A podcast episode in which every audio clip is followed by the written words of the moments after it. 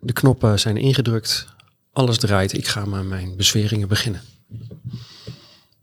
Welkom bij de podcast Digitale Fitheid. Mijn naam is Lieke de Vries en ik ben jouw gastheer. Bij mij zijn Martijn Aslander, co-founder van digitalefitheid.nl en Frank Meeuwse, onze zeer gewaardeerde gast. Zeer gewaardeerde gast.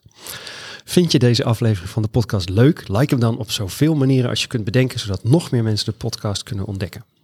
Martijn, welke pijler vind jij het allerbeste passen bij Frank Meeuwsen?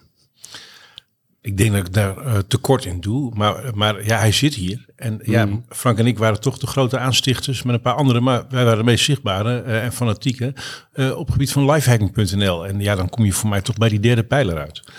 Digitale vaardigheden. Digitale vaardigheden. En, en ehm, als ik jou zo volg, eh, want dat doe ik ondertussen ook al meer dan tien jaar, Frank, eh, ben je zowat iedere dag nog bezig met je digitale vaardigheden uitproberen. Dus daar komen we straks op terug. Ehm, jij eh, ehm, bent vanaf 2000 betrokken bij de Nederlandse blogosfeer als schrijver van je eigen blog, als de eerste kantoorblog van Frank.lee. Uh, je hebt in het verleden um, zelfs weblog award shows uh, geproduceerd, de, de Dutch Bloggies. Je hebt ook alweer meer dan tien jaar geleden een boek geschreven, Bloghelden, over de allereerste Nederlandse bloggers uh, en de geschiedenis die daar was. Um, ik zie jou de hele tijd allerlei nieuwe dingen proberen. Ik zie jou een paar jaar bezig uh, met het zogenaamde indie web. Uh, ik weet dat je een groot grunge fan bent, nog steeds.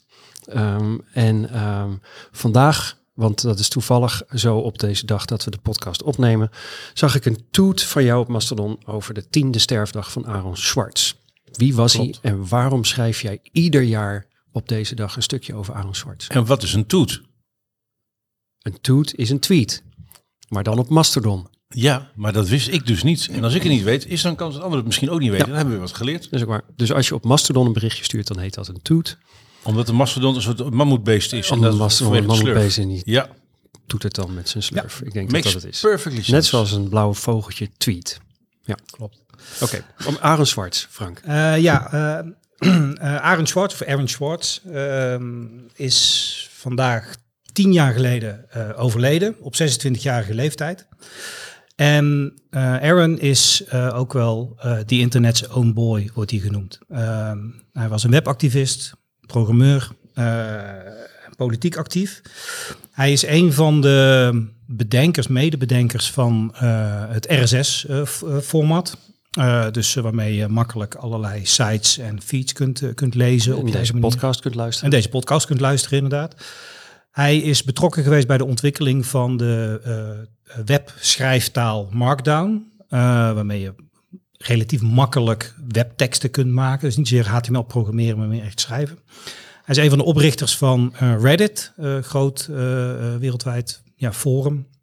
En hij is een van de bedenkers van het, of medeoprichters van Creative Commons, samen met Lawrence Lessig. En dat alles was die, dat heeft hij allemaal al gedaan voordat hij twintig was. En Creative Commons, dat zijn online auteursrechten. Online auteursrechten, copyleft wordt het ook wel genoemd, waarmee je als um, artiest, als creatief maker meer vrijheid hebt wat er met de rechten van jouw werk gebeurt. En dat dat niet alleen maar is of het is publiek domein of het is all rights reserved, maar alle grijstinten die daartussen ja, zitten. Dus, dus, mensen mogen het uh, kopiëren en hergebruiken, ja. ze mogen het bewerken of niet. Ze mogen het wel of niet commercieel inzetten. Al die, ja. die dingen kun je per keer... Nou goed, Aaron, Aaron was daar, um, die is daar allemaal bij betrokken geweest. Uh, en en um, een van de dingen waar hij een fervent voorstander was, is open access, met name van wetenschappelijk onderzoek. Um, hij vond dat al het wetenschappelijk onderzoek wat gefinancierd wordt door publiek geld, dat dat ook publiek beschikbaar moet zijn. En dat was in die tijd niet en volgens mij nog steeds niet. Uh, alles, uh, heel veel wetenschappelijk onderzoek is alleen toegankelijk na het betalen van heftige paywall uh, uh, fees. En hij besloot op een zeker punt om 4 miljoen academische artikelen te, te downloaden van, vanuit een, een, een universiteitsnetwerk en die, publiekelijk, die wilde die publiekelijk beschikbaar stellen. Um, allerlei uh, drieletterige agentschappen in de uh, VS die zaten al achter hem aan. En uh, die hebben hem op heterdaad weten te betrappen dat hij dat aan het doen was. Daardoor is hij um, flink opgejaagd door um, de justitie in Amerika. Hij heeft een tijdje vastgezeten. en uiteindelijk heeft hij dus vandaag tien jaar geleden een einde aan zijn leven gemaakt.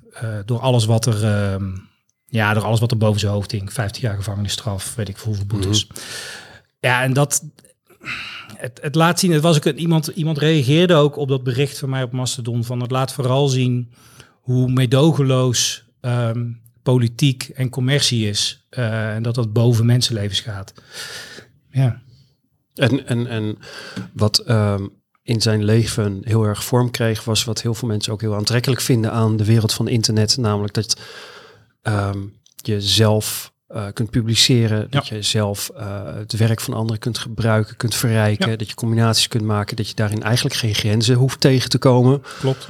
Uh, en dat is iets wat we in deze tijd met z'n allen opnieuw uh, weer pijnlijk aan het ervaren zijn. Ja. Uh, dat het helemaal niet vanzelfsprekend is. Nee, nee, het is af en toe is dat. Heel veel mensen weten dat ook niet dat je dat kunt. En, en denken dat je iets in 280 karakters moet zeggen. Of in een foto met Instagram filters en weet ik veel wat.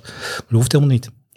je hebt daar heel veel, heel veel eigenaarschap in en heel veel eigen verantwoordelijkheid heb je erin. En dat, dat heeft mij ook zelf ook altijd aangetrokken in, uh, in het internet. En dat is ook de reden dus, om, om even terug te komen bij, bij Aaron, waarom ik elk jaar uh, over hem schrijf op zijn sterfdag. Maar ook op, op Aaron Schwartz Day in november is dat altijd, om zijn leven te vieren. En waarom ik ook vanavond weer de, de documentaire Die Internet's Own Boy ga kijken. die is gratis te bekijken op YouTube en op archive.org. ja, dat. Ja omdat het een belangrijk uh, persoon in de geschiedenis was. Ja. En, en dat waar hij voor stond, dat is nog steeds beschikbaar dat, en dat moet nog steeds aandacht krijgen. Dat is nog altijd actueel. Ik denk, ja. ik denk actueler dan ooit. Ja. Frank, fijn dat je er bent. Voor jou, net als voor ieder ander, uh, tien vragen ja. Aan de hand van Bernard Pivot, waarop we het snelste en eerste antwoord willen hebben. Je hoeft het allemaal niet toe te lichten, want we gaan er niet naar vragen. Wat is je favoriete woord? Liefde. Wat is je minst favoriete woord? Nee. Waarvan raak je opgewonden? Goede ideeën. En uh, wat is voor jou een echte turn-off? Boekhouding. Welk geluid vind je geweldig? Muziek uit Seattle. En welk geluid haat je? Um, dat is een heel, heel exact geluid ook. Dat is, ik, ik doe aan uh, miniatuurbouw. Mhm. En als ik met een uh, Stanley mes door uh, specifiek bepaald soort schuim snij, dat is een heel vervelend geluid, maar het is nodig om ja, de dingen te kunnen maken. Heel goed. Wat is je favoriete vloekwoord? Kak. En welk ander beroep dan je eigen beroep zou je wel eens willen uitproberen? Houtbewerker. En welk beroep zou je echt nooit willen hebben? Minister-president. Hmm. En wat hoop je dat men later over jou zegt wanneer je eenmaal niet meer op deze planeet bent? Ah, hij hield van klote muziek, maar hij kon wel een aardig potje schrijven. Oké, okay. goed. Hey, um, vind jij jezelf digitaal fit? Ja, ja, ik denk het wel. Ja, dat. Um, Waarom vind je dat? Nou ja, um, ik ben er heel veel mee bezig. Het is een, het is een, een groot onderdeel van mijn leven om. Uh, en ook, dus zowel werk als privé ben ik met digitale middelen bezig, met digitale tools. En ik heb altijd een soort intrinsieke interesse in, maar hoe werken die dingen dan? En hoe zit dat dan? Hoe kan ik het beter maken? Hoe kan ik het meer eigen maken? En dat, dat is iets wat ik al die jaren al heb gedaan. En, en Martijn noemde het net al, daar is natuurlijk ook lifehacking uit, ook uit uh, voortgekomen. Dus ik denk dat daar wel altijd, er zit een soort, soort motivatie voor mij in van hoe kan ik dingen slimmer doen zodat ik zelf luier kan worden. Mhm. Mm -hmm. uh, uh, dus, dus in die zin is digitaal fitheid misschien toch wel een vorm van ultieme luiheid mm -hmm. uh, vinden. Um, maar da nee, en daarnaast denk ik ook, omdat ja, mensen komen ook wel naar mij met vragen um, over hoe, hoe kan ik iets dan doen? Kun je mij helpen? Uh, en, en ik denk als mensen je weten te vinden met specifiek soort vragen, dan, ja, dan, dan uh, nemen ze dat wel serieus, denk ik. Nou, nou, ja. heb je, kennelijk heb je iets goed gedaan op vlak. Ja, dan zou ik ja, toch iets ja. goeds hebben gedaan. Hey, en um, um, hoe vind je dat het gesteld is met jouw informatieliquiditeit? Ja, die, uh, ik heb natuurlijk eerdere podcasts ook gehoord en, en uh, ik moest daar ook echt even over nadenken. En, en als ik het goed begrijp, gaat het om het makkelijk kunnen opslaan, terugvinden van, van informatie die je hebt, kennis die je hebt opgeslagen, et cetera. Ja. Nou, ik denk dat dat door de jaren heen echt steeds beter is geworden. En ik denk eerlijk gezegd dat dat de afgelopen, het afgelopen jaar uh, echt goed is geworden.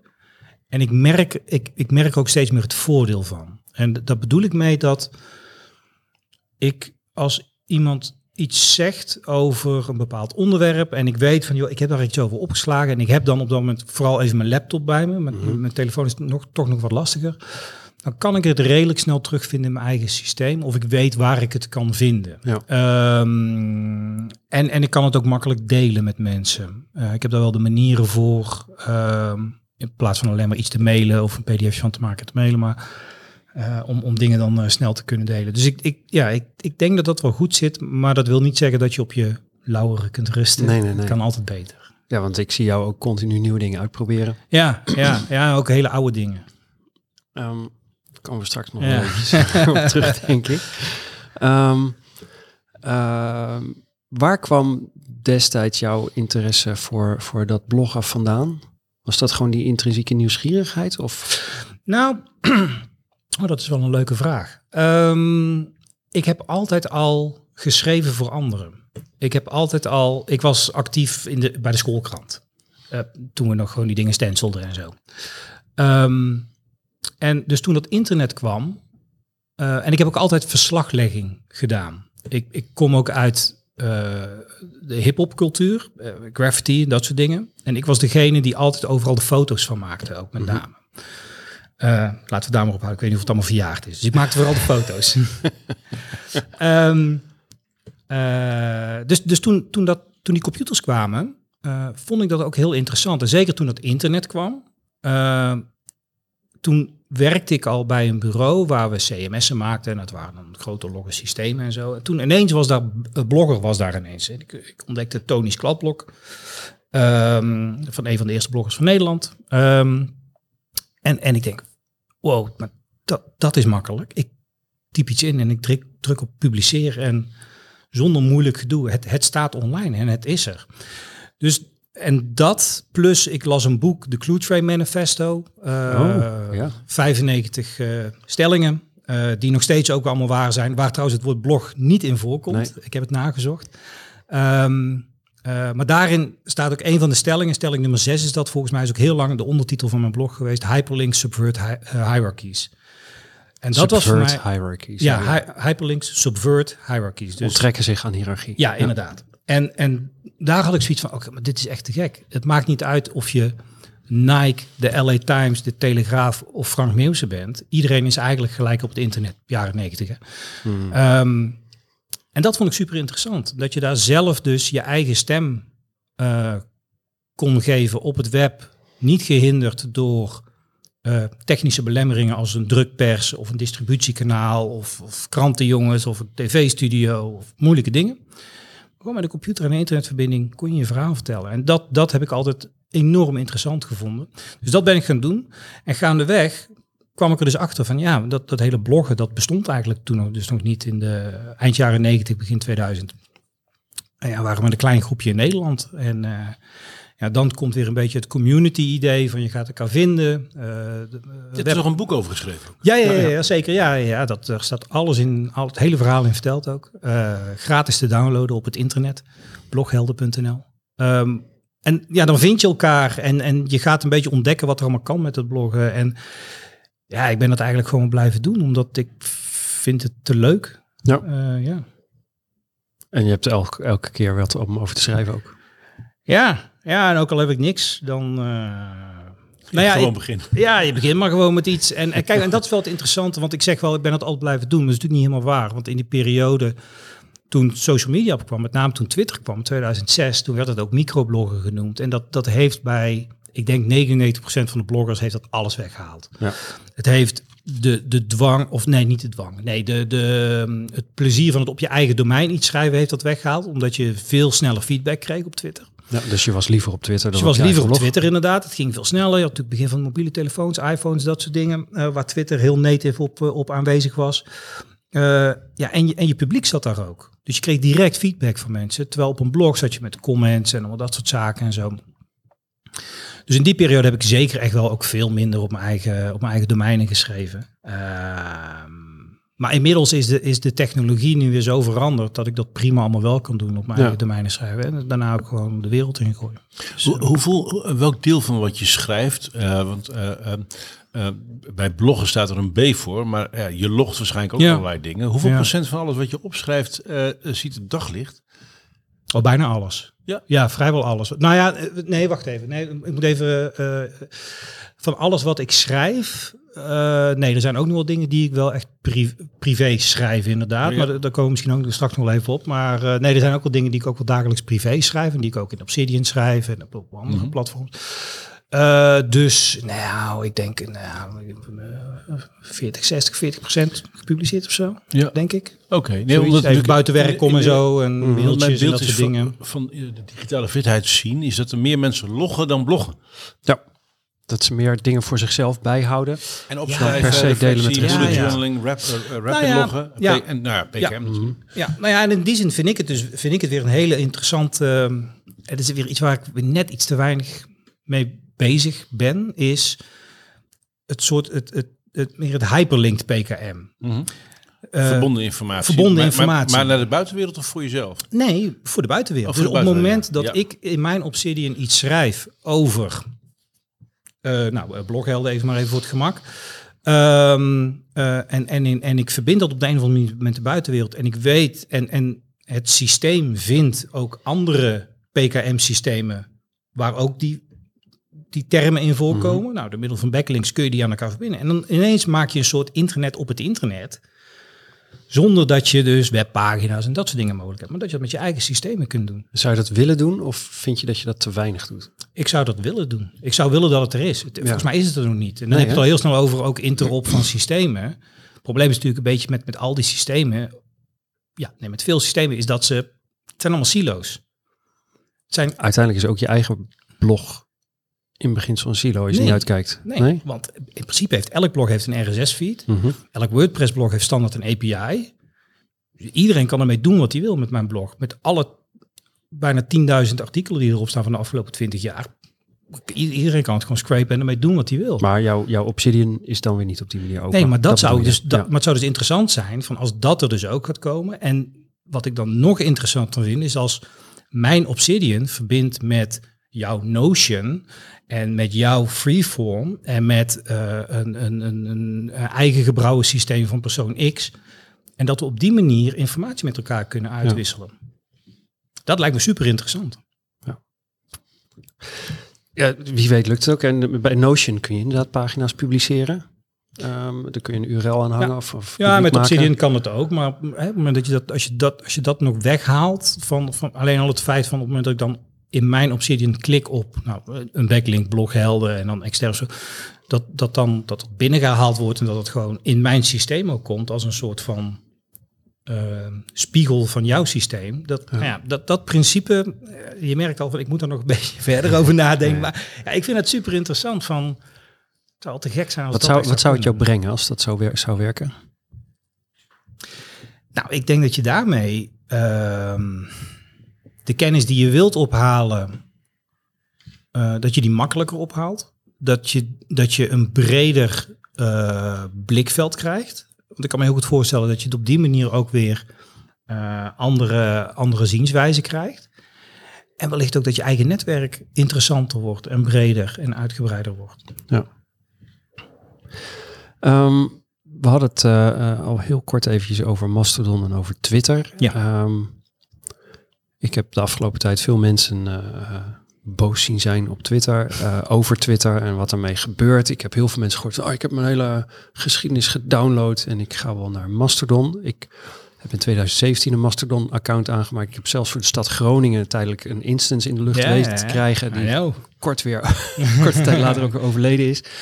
Uh, het was toen heel stil op Mastodon. Ja. Um, ondertussen uh, zit ik zelf ook in een andere fase van mijn leven. Dat ik denk, ik hoef ook niet zo heel veel mensen te volgen. Nee. Ik ben wel op Mastodon. Ik vind het wel prima dat het een beetje rustig is. Um, maar het gaat, gaat de wereld nu stuk omdat Twitter overgenomen is door Elon Musk? Of, ja, of wat is, er aan de hand in uh, jullie ogen? Shakespeare, much ado about nothing. We hebben weer ophef en, en uh, clickbait en we hebben een mening. Hm. En dat vinden fijn om achteraan te Natuurlijk doet Elon Musk zijn olifant in de porseleinkast. Uh, maar ik, ik, de reflex waarmee iedereen zegt, en nou ga ik dus van Twitter af, want Elon Musk is stom. We kunnen, gewoon even, we kunnen het ook gewoon even een tijdje aanzien. Ja. En kijken wat er gebeurt. Even, uh, zo, uh, dus zo, zolang je um, weet hoe je informatie moet filteren op Twitter, hoef je geen last te hebben van, van, van wat voor gedoe dan ook op Twitter. Je kunt je account op slot zetten, je kunt mensen blokken, uh, je kunt mensen gewoon ontvolgen, uh, je kunt lijstjes maken. Dus ik zie het hele probleem, de hele ophef zie ik niet zo. Maar, maar je kunt heel erg... debat zetten over de openheid van Twitter en waar het naartoe gaat. Maar ik, ik vind het nog veel te vroeg om daar harder uitspraken over te doen en dus maar met elkaar naar een nieuw platform te gaan. Zolang die gereedschapjes op Twitter beschikbaar blijven, waarmee je dus je eigen informatiefilters in elkaar kunt zetten is het nog steeds een nuttige tool voor jou. Iemand die last heeft van gedoe op Twitter, die heeft gewoon zijn filters niet goed uh, afgesteld. Een filter failure. Ja. ja. kijk jij er tegenaan, Frank? Um, ja, ik, ik, ik, wil daar eerlijk gezegd, ik wil voorkomen dat dit een hele politiek geladen eh, podcast gaat worden. En ik, ik, ik ik ben ook bewust. Dit was toch even voor, voor ik onzeker heel. Dit was wat ik deed was toch geen, geen politiek statement of zo? Nou ja, nee, maar als je het over Twitter gaat hebben, dan wordt het al wel snel politiek. Uh, en dan. Ik, en, en, ik ben zelf wat terughoudend om er heel publiek over het over te hebben. Oké. Omdat ik het ook nog niet zo goed weet. Hm. Maar ik heb wel het gevoel dat er iets wezenlijks is veranderd met Twitter sinds Elon Musk aan het roer is. Oké. En wat, wat is dat? Wat er wezenlijk veranderd nou, kijk, en, en, dat zat natuurlijk, en eigenlijk gebeurde dat daarvoor al. We hebben dat al met, met Cambridge Analytica gezien, met, met Facebook. En, en eigenlijk ook al het besef dat social media, nee, sorry, de sociale netwerken zoals Facebook, Twitter, LinkedIn, Instagram, Snapchat, TikTok, die zijn er niet voor ons. Voor ons als mensen. Mhm. Die zijn er voor aandeelhouders. Die zijn er voor de eigenaren van de platformen. En wij zijn, wij zijn in die zin brandstof. brandstof daarvoor. Nou, daar kun je voor een tijd in meegaan, dan kun je dat prima vinden. En je kunt middelen vinden hoe jij als brandstofdeeltje je daar zo makkelijk mogelijk in beweegt. In die end ben en blijf je brandstof. En, en ik, ik begon dat af en toe een beetje, een beetje lastig te vinden. Ik denk van ja, maar waarom, waarom als ik een gesprek wil hebben met een vriend van me, moet daar een derde partij tussen zitten die iets met die informatie doet? Waarom, als ik in een kroeg ga zitten en ik heb een gesprek met een vriend of een vriendin, wil ik ook niet dat uh, de ober of de eigenaar van de bar um, meeluistert en iets met die data doet op langere termijn. Of met, dat, met de gespreksinformatie. daar koop je gewoon biertjes van. Is, is het ooit anders geweest dan? Dat is toch vanaf dag één van Twitter, omdat we niet betaalden voor Twitter, is dat het ding geweest? Dat klopt. Dat is ook heel lang het ding geweest. En dat is ook heel lang, hebben we dat een beetje weggewuifd. Ja, en hebben we dat allemaal prima gevonden en hebben we dat genegeerd je kunt het niet meer negeren. Oké, dus daar Op gaat, moment... gaat dit debat dus over een, een groeiend bewustzijn, collectief bewustzijn, een schuivend perspectief op. Wacht even, dit is eigenlijk Kijk, niet meer een goed idee. Met, met TikTok als extreme exponent natuurlijk. Nou ja, misschien is het andere extreme exponent nog wel. Op het moment dat er een genocide plaatsvindt, omdat via Facebook, door het algoritme van Facebook, stammen tegen elkaar worden opgehitst. Ja. Dan heb je echt wel een probleem. Ja. Op het moment dat... Aan welke genocide refereer je? Ja, ik, ik, probeer even heel snel het land te vinden. En het, uh, Want de Hutus en de Tutsis, dat was nee, voor, voor, nee, voor nee, social media? Ja, dat was voor social media. Nee, maar ik snap je punt. Ja, ja eh, valide. Als er filterbubbels bestaan en mensen zijn niet tech-savvy... en je, je kunt inderdaad... Nee, met, het heeft niks met een filterbubbel of met tech-savvy te maken. Het heeft alles te maken met wie er aan de knoppen zit. Het is in Myanmar uh, was het. Oh, ja. Het heeft met wie er aan de knoppen zit. Met degene die algoritmes bepalen, die bepalen mhm. wat belangrijk is. En op het moment dat, ehm, ongeacht of jij digitaal uh, savvy genoeg bent om lijsten te maken, mensen te blokken, mensen niet te volgen, filters in te stellen, noem het allemaal op. Maar als de eigenaar van het platform besluit, ja, maar jij krijgt toch continu deze berichten te zien van deze politieke partij, waar we, van waarvan we weten dat jij er tegen bent. En je krijgt deze ophef continu te zien en je krijgt deze berichten van de media te zien. Word je vanzelf boos. Ja. Dan, heb je een, dan, dan, hebben we een, dan, dan heb je een ander probleem. Ja, uh, dit zijn we eens. Helder. Dat is de, dat is de werkelijkheid van uh, sociale netwerken zoals Facebook, Twitter, ja. uh, Instagram en, en dergelijke. Nou en ja. nu staat daar dan al enige jaren een heel Fediverse nou, hè? naast. Ja. Een federated universe van allerlei verschillende dingen. En iedereen roept altijd als eerste voorbeeld Mastodon. Ja, maar even voor de duidelijkheid alvast, daar kan natuurlijk over tien jaar hetzelfde gaan gebeuren. Ja. Laten we eerlijk zijn. Uh, ja, uh, Mastodon is daar een voorbeeld. En, en uh, wat Mastodon of de Fediverse anders maakt, is dat er niet één centraal systeem is waar alles rond, waar alles doorheen gaat. Er is niet één server, of laten we zeggen één plek, één Twitter-server, één Facebook-server, even goed gemaakt, waar alles heen loopt en waar iemand aan de knoppen kan zitten. Um, uh, Mastodon in dat voorbeeld is eigenlijk software die het mogelijk maakt om allerlei kleine eilandjes met elkaar te laten praten. En die eilandjes kunnen eigen regels bepalen. Die kunnen zelf bepalen met wie zij willen praten. Mm -hmm. Die kunnen ook zeggen van, ja, maar jullie zijn een stom eilandje, blokken jullie, weg. Uh, want jullie zijn te links of jullie zijn te rechts of weet ik van wat. Jullie houden van iets wat wij niet leuk Jullie houden van slechte muziek uit Seattle, hm. bij wijze van spreken. Goeie reden. Uh, ja. um, uh, en dat vind ik wel interessant, want je zit daarmee dus zelf meer aan de knoppen. Je hebt zelf meer verantwoordelijkheid, je hebt zelf meer uh, handelingsvermogen om te doen wat jij op het internet wil. En de grap is, dat maakt het voor heel veel mensen tegelijkertijd heel uh, soort afschrikwekkend. Oh, maar dat is veel te moeilijk. Hmm. Oh, maar dan moet ik allemaal. Oh jeetje, maar hoe ga ik nou al die mensen vinden? Oh, hoe ga ik nou al die mensen volgen? En hoe zit het dan met tags? En hoe, waarom kan ik niet zoeken op Mastodon? Ja, weet je jongens, dat kon tot een paar jaar geleden op Twitter ook allemaal niet zo makkelijk. Uh, uh, maar goed, we zitten nu eh, ook in, in een ander tijdperk waarin we dat misschien wel verwachten van, van, ja. van systemen, van software. Maar ja, ik, ik vind het wel ook daarin weer, ik vind het persoonlijk prettig dat, dat je wat meer handelingsvermogen hebt als persoon om uh, te doen wat je, wat je wil doen op zo'n netwerk. Dat, dat je ook niet gebonden bent aan, uh, aan één aanbieder. Mm -hmm. Hè, op het moment dat ik, ik ben uh, zelf begonnen op Mastodon, ook in, in, 2000, in dezelfde periode, 2017 was het of zo, geloof ja. ik inderdaad, op, uh, op, die, op die grote Mastodon.social, die, die Duitse server. Um, en, en recentelijk overgestapt naar IndieWeb.social. Met een hele bewuste reden, namelijk dat ik um, ik wilde het sowieso, ik wilde het proberen. Nou, daar komt weer die intrinsieke mm -hmm. nieuwsgierigheid. Ik wilde het, het overstappen proberen, zodat ik erover kon schrijven, inderdaad. Ja. Um, maar ook omdat de community op die server, op indieweb.social, um, uh, daar zaten mensen die ik nu niet kende, maar die ik wel wilde gaan volgen. En kijken, wat hebben zij te vertellen? Waar, waar kan ik ja. van leren? En um, uh, ja, goed, en, en, en, en dat kan. Je kan dus met uh, uh, al je mensen die jij volgt en die jou volgen. Er is nog nooit een goed Nederlands woord voor. Volgers en volgenden of zo. Wat is dat? Mm -hmm. Ja, ja, eens. Followings en followers of zo. um, kun je die allemaal meenemen? Uh, en dat loopt niet altijd even vlekkeloos, maar weet je, het, het werkt. En het is ja. prima. En, en dat ja. betekent dat uh, als je geen zin zou hebben in, in uh, Twitter, want, uh, want er is iets met Twitter, dan, ja, dan heb je eigenlijk geen alternatief. Ja, je moet naar iets heel anders, naar ja. Instagram of naar TikTok, maar dat heeft helemaal niet dezelfde vibe. En je kunt ook niet jezelfde, jezelfde publiek meenemen. Terwijl als je in de wereld van Mastodon bent en je bent klaar met een bepaalde instances, zoals ja, we dat dan geloof ik noemen, waar je ja. dan uh, lid bent, dan kun je gewoon je hele boekje oppakken ja. en naar een andere toe. Ja, of je kiest ervoor om gewoon je eigen instance te beginnen. Een instance of one. Gewoon je eigen servertje, je Raspberry Pi die ergens achter een bank staat te zoomen. Ja, doe je het allemaal zelf. Kan ook. Ja, kan ook. Er zullen veel mensen zijn die denken van nou, laat maar. Ja, nee, inderdaad. Nou, even voor de luisteraars. Ja, je hebt volgens mij op je, op je website heb je een, een hele manual, hè? een hele handleiding over beginnen met Mastodon, toch? Ja, wat ik heb gedaan, ik, ik, ik, ik wilde ervoor waken dat ik niet een soort uh, de gids zou worden van zo moet je het allemaal doen. Dus wat ik heb gedaan... is Patrick heb, Mackay voor, toch? Ja, ja nee, maar, nou, er is nu een Mastodon gids, mastodongids.nl, is recent ja. gestart.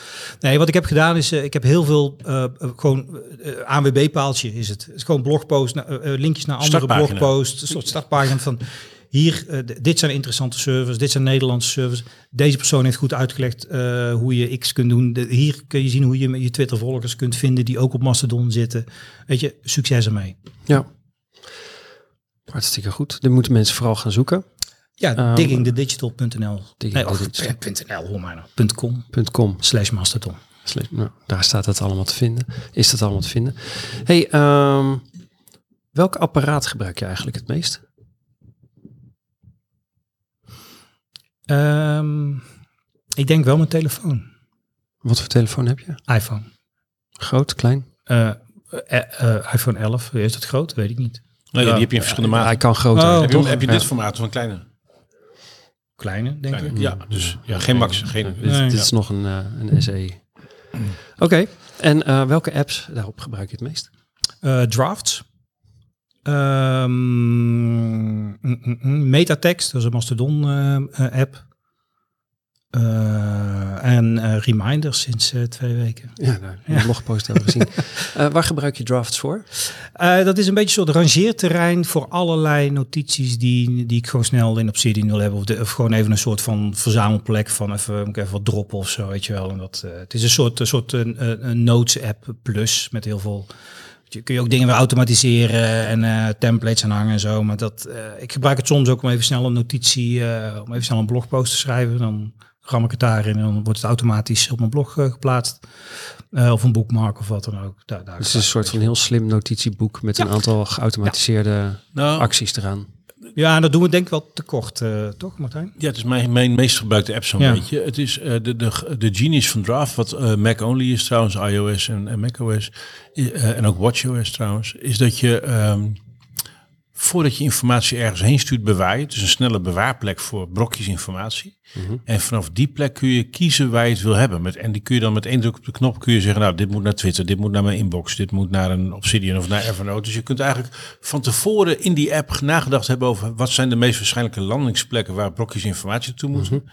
En vervolgens is een soort flippenkast. Dus je vergaat de informatie. Vanaf daar flip je het de goede kant op. En ook nog op de op de, met de opmaak en op de manier waarop jij het wil hebben. Ja. Uh, we hebben er veel over geschreven op het platform, dus dan moet je maar eens kijken. Ja, ja ik vind echt, uh, ik, ik maar, al een paar jaar en het is uh, ja, ook pas weer iets van de afgelopen, nou, ik denk anderhalf jaar, twee jaar of zo, dat ik steeds meer de kracht ervaar daarvan. En precies mm -hmm. wat je zegt van, van ja, een soort flipperkast, frangeerterrein, van je, je kan over kiezen waar je het heen stuurt. En, en je hebt ook daar weer zelf de, de mogelijkheid om, om gewoon het te doen zoals jij wil. Uh, er is natuurlijk ook weer een hele community met scriptjes en dingetjes en zo. En je moet wel een beetje even een beetje durven.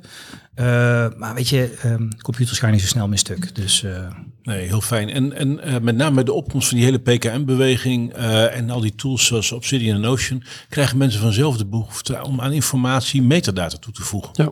En metadata toevoegen moet niet op werk lijken, want dan ga je het niet doen. En het mooie van drafts is dat je dus uh, metadata kan, uh, met één druk op de knop kan toevoegen aan een brokje informatie. Uh, voor, voor de luisteraar, voor het beeld. als ik een nieuwe naam toevoeg, ik ontmoet iemand, hoef ik alleen maar zijn naam op te schrijven. Dan druk ik op een knopje. Dan zet hij er het logo van een poppetje voor, maakt hij een los markdown bestand van. En in dat bestand staat dan, oh, dit is een categorie persoon. Ik heb hem ontmoet met de datum van vandaag. Dus al die dingen die ik toe wil voegen aan een naam genereert hij vol automatisch en frictieloos. Ja. Waardoor ik dus veel rijkere informatie over iets of iemand heb. Um, dan, dan, alleen, een naam. dan alleen een naam. Dus, uh, dus ja, het is eigenlijk gebruiken waar een computer voor ja. bedoeld is.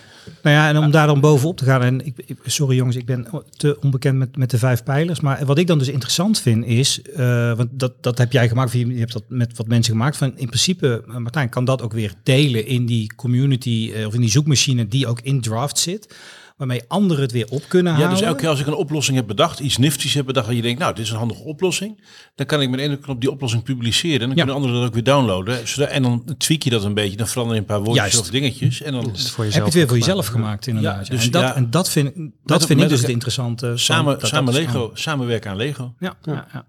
Hartstikke mooi. Informatie liggen. Is er het afgelopen jaar ook een app bijgekomen waarvan je denkt, die gaat, die gaat er nooit meer vanaf? Nou ja, op, uh, ja, Obsidian op zich wel. Alleen ja, die mobiele app moet wel echt beter worden, vind ik. Uh, die vind ik echt gewoon nog te traag en, en gewoon nog niet handig genoeg. Maar ja, die, die is er wel bijgekomen. En, oh wacht even, maar die... Zo, moet ik even kijken hoe die heet hoor, jongens. Uh, How We Feel. Ken je die? Nee. Is, is het een soort app waarmee je, moe, je, je, ja, je een mood tracker. Een mood tracker. Oh, ja. er, zijn, er zijn er heel veel van. Ja, er zijn natuurlijk honderden van. Eh, maar dat is een, ook wat vind je, Wat vind je leuk aan deze? Nou, ik had dat nooit. Um, ik heb dat nooit echt gedaan. Het hele quantified zelf is allemaal, ik heb een beetje langs me heen laten gaan, bewust. Um, maar afgelopen jaar ben ik ziek geworden.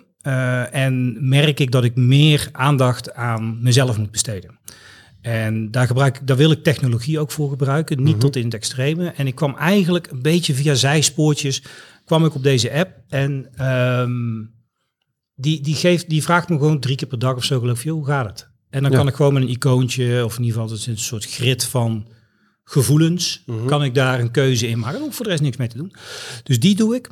Um, dus je bent de omgevingsgebeurtenissen aan het vangen, zodat je op basis daarvan later kan terugkijken. Hey, Als ik me op een bepaalde manier voel, uh, wat zijn de omgevingsfactoren nou ja, die, dat, die dat ja, klopt. Dus, hè, waar komt dat door inderdaad? Uh, dus dat heb ik. En om nog even terug te komen op apps die ik veel gebruik. Mhm. Een andere die ik nu ook al, ik denk al een jaar of tien gebruik, is Day One. Uh, Day One is een journaling app. Dat voor mannen, voor vrouwen zou het natuurlijk een dagboek app zijn. Dat is heel flauw dat ik dat zeg, ja. maar zo bedoel ik het niet. ja, maar het is toch altijd, nou Journaling, dagboeken. Um, waarbij ik uh, nee, sorry, ik vond het echt. Nee, sorry, dat, kan dat, niet, had, dat had ik niet moeten zeggen. Nee, ik vind dat. Vroeger kon dat nog, maar ja, nee, denk sorry, ook daar hebben we voortschrijding. Ja, ik laat, nee, sorry, ik laat deze, deze verontschuldiging laat ik er gewoon in zitten, ja, inclusief te verspreken. Ja, doe dat, doe dat zeker inderdaad. Zo, sorry mensen. Um, journaling app waarmee ik nu bijna uh, 800, 900 dagen, zo elke dag voor mezelf even kort opschrijf. Wat waren de drie mooie dingen vandaag? Mm -hmm. En dat kunnen soms drie woorden zijn en soms zijn het 300 woorden en soms zijn het uh, ook niet drie mooie dingen, maar zijn het drie stomme dingen. Um, en dat ben ik op een gegeven moment gaan doen en vooral gaan volhouden. Want een van de functionaliteiten in Day One is de On This Day functionaliteit. Mm. Waarmee je dus elke dag ook een notificatie krijgt. Wat gebeurt er op deze dag in voorgaande jaren? Oh ja, oké.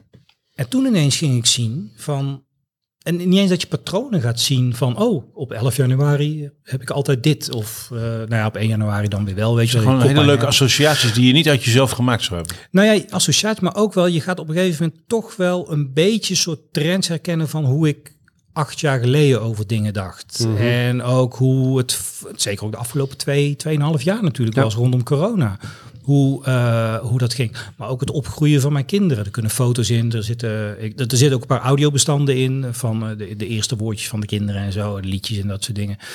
Uh, maar ook linkjes af en toe, tweets, ehm, concerten waar ik ben geweest, van alles. En, en ik merk nu dat door het vol te houden, geef ik mijn toekomstige zelf een soort cadeautje. Ja. En ja, dat vind ik wel te gek. Ja, dus dit is zeg maar de, de, de wet van de toenemende meeropbrengsten. Ja. Uh, dus ja. als je het lang blijft volhouden, dan zit er reward in. Over een tijdje ga je dan ontdekken dat. Ja, klopt. Ja, heel herkenbaar. Ja. Het, uh, het, het triggert bij mij ook heel erg de gedachte dat het je heel erg ook uit je uh, race van vandaag haalt. Want het brengt je herinneringen terug. En, en, dat helpt je gewoon in het besef van tijd en het verloop van tijd. Klopt. Ik heb in Obsidian heb ik zo'n knop ingebouwd. Uh, uh, dus ik heb uh, in Obsidian in mijn dagelijkse notitielog mhm. heb ik een linkje naar deze dag. En dan een jaar geleden, dus dan kijk heb ik in mijn file een dagnotitie van deze dag. Nou, die heb ik van de afgelopen 10, 15 jaar wel. Dus ik, elke dag loop ik door de afgelopen 15 jaar heen, als daar een document van bestaat. Waarin ik toen dingen opschreef waar nou meemaakte. En dat is echt heel leuk om, ja. uh, om, uh, om naar te kijken. Het, het, levert ook weer nieuwe ideeën op, nieuwe associaties. Oh, wacht even, dat is Pietje Puk. Oh, die was ik uit ook verloren. Oh, die ja. ken ik natuurlijk ook nog. Hoe zou het met hem zijn? Ik heb dat ook op mijn blog trouwens. Want ik heb natuurlijk ook, heb ik alles van de afgelopen twintig jaar staat op mijn blog. Uh, daar heb ik ook een On Day plugin. probeer ik ook elke dag even te kijken. Dat gaat wat minder, moet ik eerlijk mhm. zeggen. Maar met name ook af en toe ook wel een beetje wat, toch wel wat zelfcensuur te doen. de dingen die ik in nou, 2002, 2003 schreef op mijn blog. Uh, zijn niet altijd meer relevant. Vind ik niet nodig dat het nog uh, online staat. En dan hou je ze er alsnog af. Ja, zet ik ze op privé. Dus ik haal ze er niet af. Ik verwijder het niet, maar ik zet het op privé, zodat het niet uh, publiek is. maar, zodat het gewoon maar de link is niet stuk. Ja, nou, de link is ook stuk. Alleen het is, het is ik heb het in ieder geval nog. Dus ja, ik heb het ja, wel in één systeem zitten dan. Oké. Hey, um, dit, dit, dit, is de podcast Digitale Fitheid. Uh, we praten met jou heel erg over, eigenlijk een beetje over de geschiedenis van internet. Ja. Um, dat is een, realiteit die heel erg bij de digitaliteit hoort. Um, je, als je nu vertelt van ik werd ziek en ik heb gemerkt dat ik beter op mezelf kan letten. En uh, ik vind het ook interessant. Dan moet ik ook denken aan uh, online communities die jaren geleden ook ontstonden, waarin mensen hun medicatie bijhielden. En dat sorteerde op de aandoening. En aldoende met elkaar ook ontdekten van hey, deze behandeling werkt veel beter dan die andere. Ja. ja. Uh, het is een soort van crowdsourcing. Ja. Ehm, waar, waar, wat zie je dit jaar gebeuren? Want je zou op basis van wat je om je heen aan geschreeuw hoort, kunnen denken dat, uh, dat er een aantal dingen ernstig stuk gaan. Hè? Dat uh, Elon Musk Twitter de grond in drijft, dat Facebook uh, stuk gaat omdat de Europese Commissie te zware boetes gaat opleggen. Dat Google misschien nog eens een keer struikelt over duistere ad-praktijken. Ja. Wat, wat zijn jouw verwachtingen? Wat, of wat, wat is je hoop? Ja, misschien is hoop een beter woord inderdaad. Nou ja, dat is wel grappig. Dat, uh, uh, er is natuurlijk het boek uh, Ons Werk is Stuk. Ehm, Marleen Sticker heeft een boek geschreven, Het Internet is Stuk. Eh, volgens mij heb ik daar ooit een blogpost over geschreven. Nou, het is niet stuk, het is een beetje in de wacht. Mm. Komt wel goed. Het komt toch niet helemaal goed, denk ik. En ik, ik weet niet, nee, ik heb, um, ik, ik doe liever niet zozeer aan dat soort voorspellingen van wat gaat er gebeuren, want we weten het niet. Uh, we zitten nu natuurlijk ook begin januari met alle voorspellingen en trendwatchers mm. en zo. En ik kijk daar een beetje meewarig naar. En elk nou, jaar. Laten we, laten we even die afstand dus, nemen, want ik ben het wel met je eens. Nou, er is, maar er is wel één ding. Er is één ding waarvan ik zeker weet. Dat gaat, dat gaat echt wezenlijk de wereld veranderen. Het eerste was het internet. Mm en inderdaad, de geschiedenis van het internet fascineert me mateloos. Uh, privé, uh, daar ben ik echt heel veel mee bezig.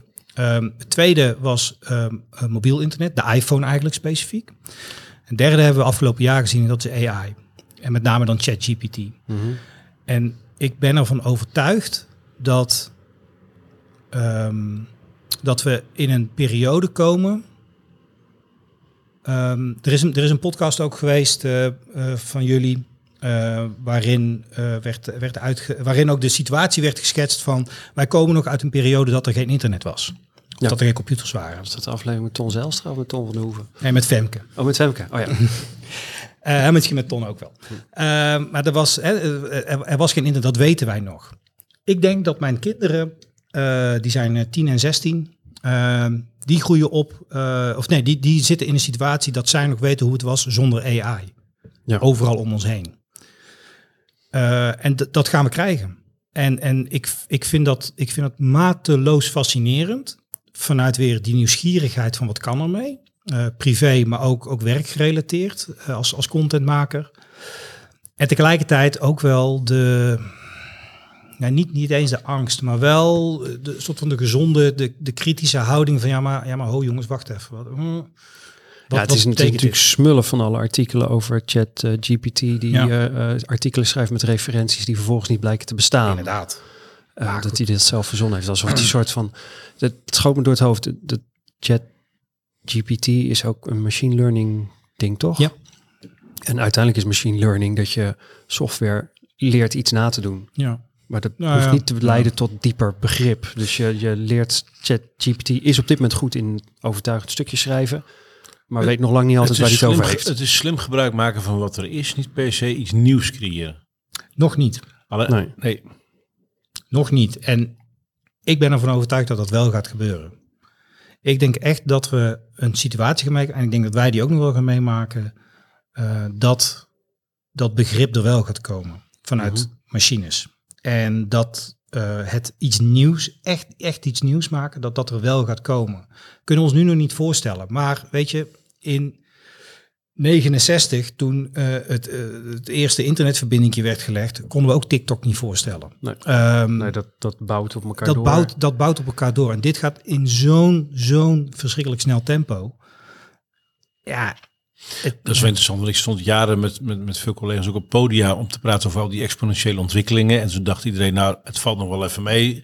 En boem, je let even niet op en je wordt links en rechts ingehaald. Ja, dus die beroemde quote, hè? Ja, we, we onderschatten technologie uh, overschatten technologie op de korte termijn en we zwaar onderschatten technologie op de iets langere termijn. En het, het, het Bijbelse verhaal over eh, de uitbetaling in rijstkorrels. ja. ja. En, begin maar op het eerste blokje van het schaakblok met één. Ja. En elk volgend ja. vakje wil ik een dubbele aantal.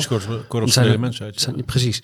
Dat, dat is exponentiële ontwikkeling. En uh, dat is heel lang denk je van, nou ja, er gebeurt niks en dan ineens is het zover. En dat, dat, jij ziet dat nu rond deze tijd echt wel. Ja, dat, dat is, dat is de afgelopen twee maanden as we happening. Ja. ja. En, dan, en, krijgen we nog VR en uh, AR erbij komen. Dat krijgen we. Nou ja, en, en ook nog eens, ik, ik zag toevallig vanochtend uh, ook wel een, uh, een schemaatje met dit is wat GPT Tree nu aan een soort van aantal verbindingen of zo. Dat is dan zoveel biljoen verbindingen maakt dat aan informatie dingetje. Dat is dan, laten we zeggen, even de aarde. Mm. Uh, en, en, en GPT-4, wat er gaat komen, dat was dan ongeveer de zon. Dat, dat was zoveel malen... keer groter of ja, ja, absurd veel meer. En dan weet je van, ja, we, we zijn er nog niet.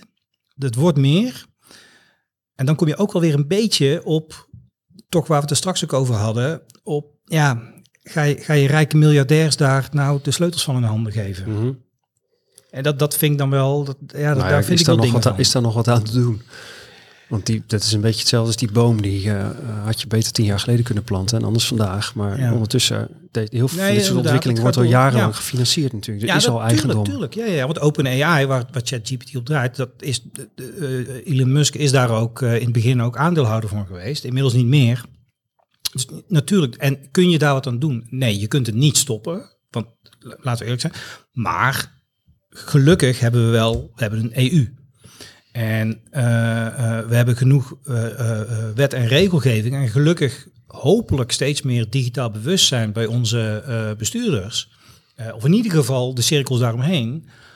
Om daar de komende jaren ja, toch iets, iets van een verschil in te kunnen maken. Maar inderdaad, jij en ik, wij gaan daar niks aan doen. Het enige wat we kunnen doen is er tegen ageren en het erover hebben met elkaar. En andere mensen duidelijk maken van, nee, het is niet normaal dat uh, zo iemand aan de knoppen zit. En kijk, dit kan er gebeuren. Ja. En natuurlijk, er gebeuren ook heel veel mooie dingen. Laten we daar zijn. Ook op Twitter zijn fantastische, er zijn fantastische voorbeelden van te vinden. Maar er is ook een andere kant. En uh, ja, dat, dat, dat vind ik wel lastig. Nou, een van de dingen die ik de afgelopen maanden veel gelezen is, heb, is dat um, nou ja, ook weer de algoritmes die gebruikt worden, een bepaalde soorten functionaliteit, specifiek voor Twitter ook zorgen dat bepaald soort gedrag ook makkelijker zich ontwikkelt. Dus als Mastodon dat soort dingen niet doet, wordt dat een andere omgeving. Ik ga nog even geen kwalificatie geven. Nee, een andere klopt, wordt een andere omgeving. En laat, kijk, Mastodon heeft ook een algoritme. Alleen het algoritme is, ik moet dingen op een bepaalde voor. Algoritme is niks meer dan een rekenregel. Dit maar net hoe, wat voed je die rekenregel en hoe maak je die rekenregel? Daar zitten menselijke beslissingen ja. Ga, liggen daar aan de grondslag. Um, Mastodon heeft ook een, een, een, algoritme, al is maar om dingen in een bepaalde volgorde, de, de, de chronologische volgorde te laten zien. Of jou de juiste antwoorden en uh, uh, boosts te laten zien. Retoets. te, te laten zien. Um, en natuurlijk, daar gaat ook een algoritme komen. Daar, wordt al, daar werd nu ook al aan gewerkt, omdat het open source is. Hè, van, oké, maar kan ik dan voor mezelf een algoritme maken wat toch het interessantste naar boven komt? Dat gaat allemaal komen. Maar het, het, het zit hem erin. Hoe zit dat algoritme in elkaar? Hoe open is het? Kunnen we slimme mensen ernaar laten kijken, onafhankelijk, die daar ook iets van vinden? En wat gebeurt er nog meer mee? Want een algoritme aan zich hoeft niet slecht te zijn, maar als een algoritme ervoor zorgt dat uh, uh, anonieme uh, databrokers met jouw gegevens aan de haal gaan, zonder dat jij er eigenlijk echt heel duidelijk consent voor hebt gegeven. en vervolgens word jij continu achtervolgd door allerlei advertenties. Dat vind ik nog het minste probleem. Grote probleem vind ik als er verkiezingen aankomen mhm. en allerlei politieke partijen en andere belanghebbenden daar iets mee gaan doen. Dat vind ik eigenlijk veel zorgelijker. wat voor, wat voor, nou, kijk even naar de tijd. Uh, we moeten er misschien een aparte aflevering voor gaan maken. Wat voor scenario's zou je wat dat betreft verwachten rondom artificiële intelligentie? Oh, wauw. Jeetje. Want, want je benoemt nu dingen die we de afgelopen jaren ja. langzaamaan ook uh, hebben, hebben kunnen vaststellen. En die hebben we gezien. En er zijn zelfs rechtszaken over geweest. Klopt. En het is allemaal nog niet perfect of zo. Maar nee. we zijn ook niet meer zo onwetend en naïef nee. als we jaren geleden waren. Nee, maar klopt. in de wereld van AI zijn we dat misschien wel. Dat denk ik wel, ja. Ja, en ik, ik weet niet of je, die, of je mij ook die vraag moet stellen. Ik bedoel, 16 jaar geleden uh, schreef ik een blogpost over, toen was Twitter net een week oud. En schreef je, wat moet je daar nou mee? We hebben toch hives? Ja. Dus, weet je, sommige, sommige toekomstvoorspellingen moet je niet aan... een roast komt van Frank Music, komt dat ding naar boven op het scherm. sommige dingen moet je niet aan mij overlaten. Misschien. Nee, ja, scenario's met de AI. Nou ja, ik, ik denk dat we inderdaad wel uh, inmiddels uh, oud en wijs genoeg zijn als samenleving om het allemaal niet voor waar aan te nemen. En je krijgt de techno-utopisten, die het allemaal fantastisch vinden en die alleen maar uh, uh, uh, een prachtige wereld voor zich zien. Je krijgt natuurlijk de, toch meer de dystopische, met, nou dat begint nu met de docenten en zo. Mm. Ja, het zal ergens in het midden gaan komen, want weet je, weet ik hoeveel jaar geleden kwam ook de rekenmachine in het onderwijs.